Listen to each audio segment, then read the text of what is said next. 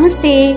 यौन तथा प्रजनन स्वास्थ्य र अधिकारसँग सम्बन्धित विभिन्न विषयमा संवाद गर्ने पडकास्ट श्रृङ्खला गुलाबी संवाद अट नेटवर्कमा तपाईँलाई स्वागत छ। म छु सविता। अनि म छु करुणा। गुलाबी संवादको आज हामी सिक्सटी टू एपिसोड अर्थात् बैसठी भागमा छौँ। सविता किशोर अवस्था भन्ने बित्तिकै चाहिँ तिम्रो मनमा कस्तो कुराहरू आउँछ?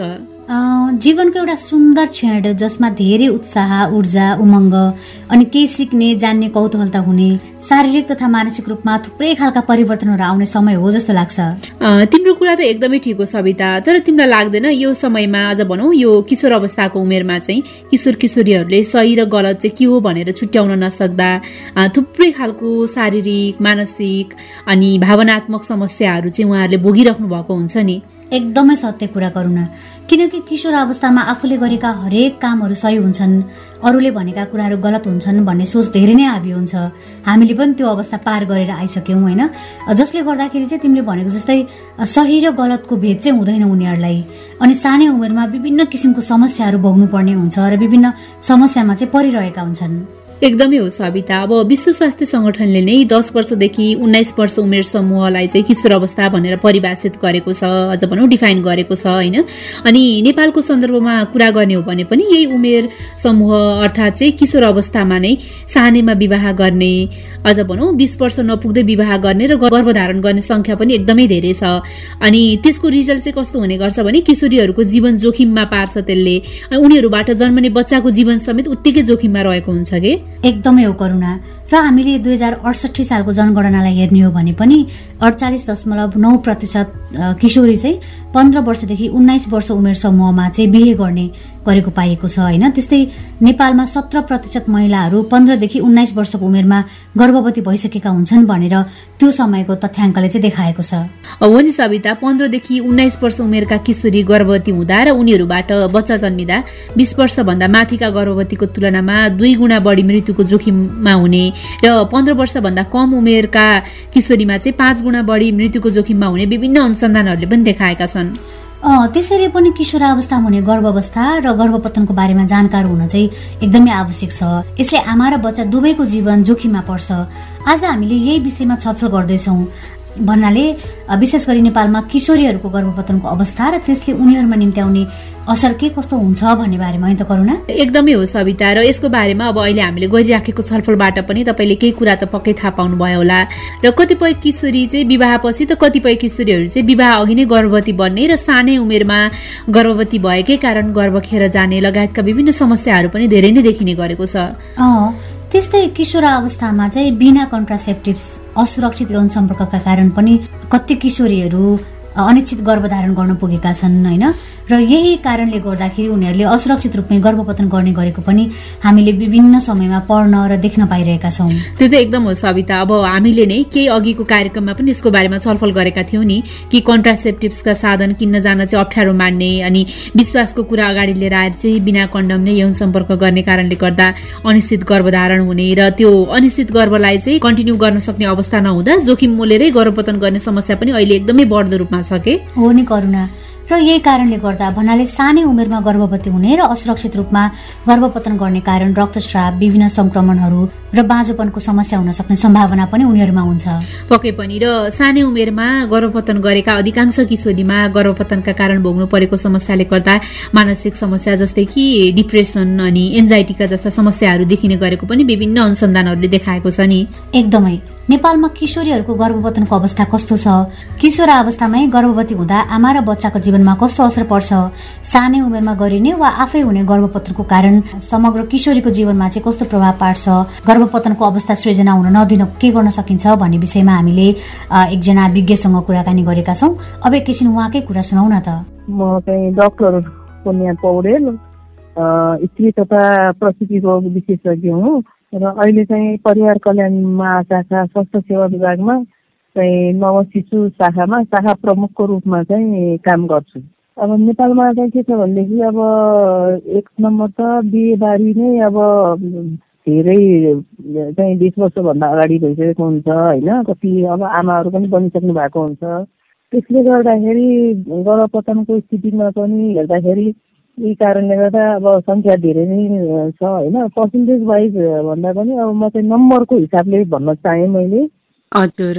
जस्तै अब यो कोभिड नाइन्टिन महामारी सुरु भएपछि नि हामीले यो जुन डाटाहरू लिएका थियौँ त्यो डाटाहरू लिँदाखेरि चाहिँ अब असारको दुई हजार छयत्तरमा आठ सय छैसठीजना जुन बिस वर्ष मुनिका भनौँ न किशोरीहरूले चाहिँ सेवा लिएको थियो भने बिस वर्षभन्दा माथिकोहरूले चाहिँ कति छ हजार पाँच सयले चाहिँ सेवा लिनुभएको छ।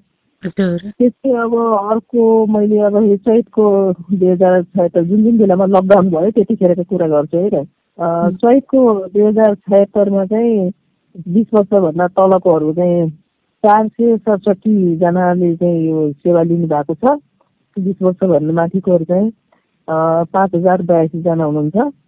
त्यस्तै अब चैतको सतहत्तरमा पनि अठहत्तरमा कुरा गर्दाखेरि पाँच सय छयासीजना हुनुहुन्छ बिस वर्षभन्दा तलका र बिस वर्षभन्दा माथिको चाहिँ छ हजार एक सय सामसुङ हुनुहुन्छ। त्यसले गर्दाखेरि बिस वर्षभन्दा मुनिको जुन किशोरीहरूको कुरा आयो यसमा चाहिँ राम्रै सङ्ख्याले चाहिँ सेवा लिइराखेको देखिनुहुन्छ। अब यसमा अविवाहित मात्र पर्ने कुरा आएन होइन? अब विवाह चाहिँ अब बिस वर्षभन्दा मुनि धेरैको हुने भएको हुनाले यो इन्क्लुड एज अ होल सबै म्यारिड अनम्यारिड सबैको कुरामा चाहिँ आउँछ यो। हजुर।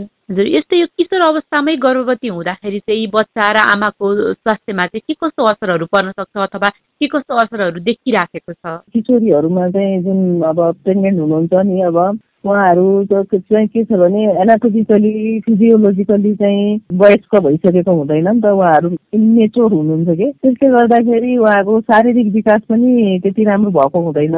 त्यसले गर्दाखेरि बच्चालाई चाहिँ धेरै नै असर गर्छ। एउटा कुरा त अब पन्ध्र प्रतिशत जति चाहिँ अबर्सन हुन सक्ने सम्भावना पनि हुन्छ होइन? पाठे घर अब राम्रोसँग डेभलप नभइसक्ने भएको हुनाले पछि गएर अब प्रिमेचर बच्चा भन्छ नि अब जन्म समय नपुग्दै अगाडि नै जन्मिने। त्यस्तो पनि सम्भावना हुन्छ। अब इमेच्योर भएको हुनाले किशोरीहरूलाई थाहा हुँदैन कति कुरा होइन? त्यस्तो हुँदाखेरि चाहिँ आमा र बच्चा बिचको जुन बन्डिङ हुन्छ नि त्यो पनि नहुन सक्छ। किशोरीहरूको स्वास्थ्यलाई असर गर्ने त छँदैछ होइन? मेन्टल्ली जुन अट्याचमेन्ट पनि नहुने त्यस्तो देखिएको छ किशोरीहरूको। जेनेटिक डिफेक्टहरूको कुरा गर्दा त खासै त्यस्तो धेरै असर परेको त देखिँदैन होइन? र बच्चाको डेभलपमेन्ट बच्चाको पछि जुन अब जन्मिसकेपछि त्यसमा पनि असर गर्छ कि किशोरीहरूले अब आमा बच्चालाई कसरी स्याहार सम्हार गर्ने भन्ने कुराहरू। त्यसले गर्दाखेरि बच्चालाई पनि अब मर्बिडिटी भनौँ बच्चाको मोर्टालिटी पनि बढी हुनसक्छ। मृत्यु अनि बिरामी पनि पर्न सक्नुहुन्छ। अब असुरक्षित ठाउँमा गएर गरपतन गर्दाखेरि अब मेन त सङ्क्रमणको सम्भावना हुन्छ होइन? अब सङ्क्रमण भएपछि कतिको पाठेघरे फाल्नुपर्ने स्थिति पनि आउन सक्छ कति धेरै दुःख पाउनुहुन्छ। पछि गएर त्यसमा अब सफर्टिलिटी हुन्छ नि अब। निसन्तान बच्चा नहुने समस्याहरू इन्फेक्सनको कारणले हाम्रो त्यो ट्युबहरू बन्द हुने होइन? इन्फेक्सनको कारणले बच्चा गर्भ रहन नसक्ने सम्भावनाहरू पनि बढी आउँछ यसमा। कतिपय ठाउँमा त अब मृत्यु नै वरण गरिराख्नु भएको छ किशोरीहरूले होइन? त्यसले गर्दा अब हाम्रो नेपालको चाहिँ अहिले पनि अब मातृ मृत्यु दरमा चाहिँ सात प्रतिशत मृत्यु दर चाहिँ असुरक्षित गर्भपतनको कारणले हुन्छ भन्ने कुराहरू प्रुफ भएको छ नि त। हजुर जस्तै यो किशोर अवस्थामा किशोरीहरूले गर्ने चाहिँ गर्भपतनलाई न्यूनीकरण गर्नको लागि चाहिँ के के गर्न सकिएला? मेन अब उनीहरूलाई जागरुक बनाउनुपर्छ चेतनशील बनाउनुपर्छ हामीले होइन? अब यसमा शिक्षाको ठुलो रोल हुन्छ। उनीहरूलाई शिक्षित बनाएर अहिले अब बिस वर्षभन्दा अगाडि बिहे गर्नु हुँदैन गर्भवती हुनु हुँदैन भन्ने कुरा उहाँहरूलाई जानकारी गराउनलाई पाठ्यक्रममै पनि यसलाई चाहिँ गाजिनुपर्छ कि? यसमा अब हाम्रो अहिले स्वास्थ्य शिक्षामा इन्क्लुड गरेको हुनाले पहिला जस्तो त नहोला केही बिस्तारै सुधार त हुँदैछ होइन? दोस्रो चाहिँ अब परिवार नियोजनको जुन साधनहरू छ नि अब अनमेट निड चाहिँ अझ पनि बढी नै छ कि। अब परिवार नियोजनको अपरिपूर्त माग भनेर चौबिस प्रतिशत छ। अब चाहेर पनि उनीहरूले साधनहरू नपाउँदाखेरि गर्भवती हुने सम्भावना चाहिँ बढ्ने भयो। त्यसले गर्दाखेरि अब अवेर गराउनु पर्यो अब हामीले जागरुक गराउनु पर्यो होइन। अब मिडियाबाट रेडियोबाट चाहिँ गर्भपतनको बारेमा चाहिँ हामीले चाहिँ एकदम जानकारी गराउनुपर्छ। किनभनेदेखि कानुनी मान्यता पाएकै अब दुई हजार दुई भनेपछि अहिले बाइस बिस वर्ष भइसक्यो है। बिस वर्षसम्ममा पनि कानुनी मान्यता पाएको छ अवर्सन भन्ने कुराहरू। जम्मा एकचालिस प्रतिशतलाई मात्रै थाहा छ यो कुरा हेर्नुहोस् न है। त्यस्तो अब अडचालिस प्रतिशत महिलालाई मात्रै सुरक्षित गर्भपतन सेवाहरू कहाँ कहाँ हुन्छ? भन्ने कुराहरू चाहिँ थाहा छ यो हाम्रो नेपाल डेमोक्रेसी सर्वेको डाटाले दुई हजार सोह्रकोले भनेको हो। यसले गर्दाखेरि हामीले सबभन्दा पहिला चाहिँ हाम्रो महिलाहरूमा जागरुकता बढाउनको लागि होइन जुन अब एनएचआइसिसी छ हाम्रो टिभीमा पनि दिइराखेको हुन्छ एफएमहरूबाट पनि फुकिराखेको हुन्छ। अब यस्तो कामहरूबाट चाहिँ उनीहरूलाई अवेरनेस बढाउने काम गर्छ भनेदेखि अर्को चाहिँ हरेक किशोरीहरू चाहिँ शिक्षित हुनुपर्छ कि। नेपालमा किशोर अवस्थामा हुने गर्भपतनको अवस्था र त्यसले निम्त्याउने असरको बारेमा डाक्टर पुणेजीले भन्नुभएको कुरा सुन्दाखेरि चाहिँ कस्तो डर डर लागेको जस्तो भएको कि करुणा मलाई। हेर त कति धेरै किशोरीहरू असुरक्षित यौन सम्पर्क सानेमा विवाह अनि परिवार नियोजनको साधनको बारेमा जानकारी नहुँदाखेरि ती धेरै जोखिममा छन् कि होइन? त्यही त सविता अझ यही अवस्थामा चाहिँ आफ्नो परिवारको साथ र सहयोग नपाउने अवस्थाका किशोरीहरूको त हालत झन् के हुन्छ होला कि? तिमी आफै सोच न। अनि आफूलाई आफैले नराम्रो ठान्ने अनि हीनताबोध र नकारात्मक भावना तथा विचारहरू मात्रै चाहिँ मनमा लिएर आउने आफू बाँचेर केही काम छैन भन्ने खालको कुराहरू सोच्न थाल्ने र आत्महत्याको प्रयास समेत गर्ने गरेको चाहिँ हामीले झन्डै दिनदिनै जस्तो यस्ता कुराहरू देख्दै सुन्दै होइन वरपर समाचारहरूमा पढ्दै पनि आइरहेका छौँ। हो नि करुणा र यस्तो हुन नदिनको लागि चाहिँ हामीले आफ्ना हुर्किँदै गरेका छोराछोरीलाई समयमा नै यौन शिक्षाको महत्वको बारेमा बुझाउन सक्यौँ भने त पक्कै पनि उनीहरू यो अवस्थासम्म आइपुग्दैन थियो होला नि है। एकदमै ठिक हो सविता तिम्रो कुरा। अब हेर न उचित यौन शिक्षाको अभाव हामीले अझै पनि भोगिराखेका छौँ। सँगसँगै घर तथा स्कुलमा कुरा गर्ने वातावरण नहुँदा उनीहरूले आफ्नो कुरा चाहिँ कसैलाई सेयर गर्न पनि सक्दैनन् अनि त्यसको रिजल्ट चाहिँ कस्तो भइदिन्छ भने उनीहरू गलत निर्णय चाहिँ लिन पुग्छन् के? हो नि करुणा आज हामीले गरेको छलफल र डक्टरले भन्नुभएको कुरा सुनिसकेपछि चाहिँ मलाई के लाग्यो भने सानै उमेरमा अर्थात् अर्ली एडोलेसेन्टबाट नै बिस्तारै बिस्तारै यौन शिक्षाको बारेमा सिकाउनु जरुरी छ जस्तो लाग्यो कि? किनकि सानै उमेरदेखि नै सिकाउँदै लग्यो भने उनीहरूमा पनि यो कुरा गर्ने होइन अथवा लुकाउनु पर्ने कुरा हो भन्ने खालको भाव जाग्दैन होइन र असुरक्षित रूपमा गर्ने यौन व्यवहारबाट पनि बच्न सक्छन् जस्तो लाग्छ कि? त्यो त एकदमै हो सविता र त्यो सँगसँगै चाहिँ किशोरी आफै पनि आफूले के गर्दैछु त्यसले मलाई चाहिँ भोलिको दिनमा कुनै प्रकारको असरहरू गर्छ कि गर्दैन भन्ने बारेमा सोच्न सक्छन्। अब एकैछिनको इमोसनमा आएर कसैको मन राख्नकै लागि चाहिँ झट्ट डिसाइड गर्नुभन्दा पनि के हो यसको राम्रो पक्ष के छ नराम्रो पक्ष के छ भनेर सोच विचार गर्न चाहिँ एकदमै आवश्यक हुन्छ जस्तो लाग्छ। एकदमै हो। र मैले यही विषयमा यसो रिसर्चहरू पढ्दै गर्दाखेरि के पनि भेटेको थियो भने करुणा किशोरा अवस्थामै त्यो स्कुल युनिफर्ममै गर्भपतन गर्न आउने किशोरीको सङ्ख्या चाहिँ हरेक जसो जिल्लामा दिन प्रतिदिन बढिरहेको छ भनेर कि? र यसले के पनि देखाउँछ भने किशोरीहरूमा कहिले गर्भधारण गर्ने गर्भपतन गर्दाखेरि तत्काल के हुन्छ र पछि त्यसले आफूलाई कस्तो खालको असर गर्छ भन्ने बारेमा पनि बुझेका छैनन् कि? फलस्वरूप चाहिँ अघि हामीले भनेको जस्तै नतिजा चाहिँ निस्किन्छ। र यही कुरा नै बुझाउनु चाहिँ एकदमै महत्वपूर्ण हुन्छ जस्तो लाग्छ कि सविता। त्यही भएर नै हामीले आजको यो विषयमा चाहिँ छलफल गर्यौं यदि अझै आजको विषयमा चाहिँ छलफल होस् भन्ने चाहनुहुन्छ या तपाईँले पनि कुनै त्यस्ता घटनाहरू देख्नु भएको भोग्नु भएको छ र यसको बारेमा चाहिँ सेयर गर्न चाहनुहुन्छ भने गुलाबी सम्वाद टिमसँग चाहिँ सेयर गर्न सक्नुहुनेछ।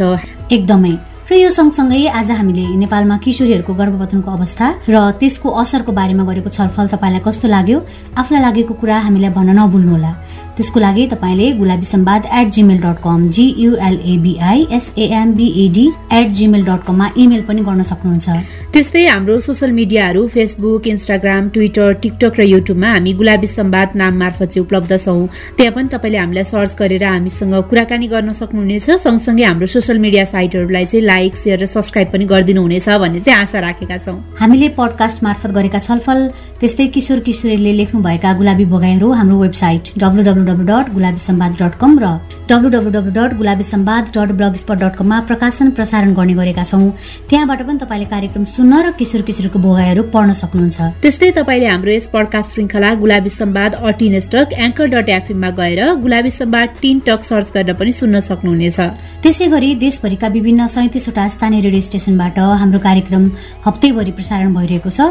आफूलाई पाएक पर्ने स्थानीय रेडियो स्टेशनबाट पनि कार्यक्रम सुन्न सक्नुहुन्छ र आफ्ना कुरा हामीलाई भन्न सक्नुहुन्छ। त्यस्तै तपाईँले अहिले कुन रेडियो या त कुन अनलाइन प्लेटफर्म मार्फत हामीलाई सुन्दै हुनुहुन्छ भनेर जानकारी गराउन नभुल्नुहोला भन्दै आजका लागि पडकास्ट सिरिज गुलाबी सम्वादबाट हामी दुई सविता र करुणा विदा माग्छौ। नमस्ते। अर्को श्रृङ्खलामा पुनः भेट्नेछौ।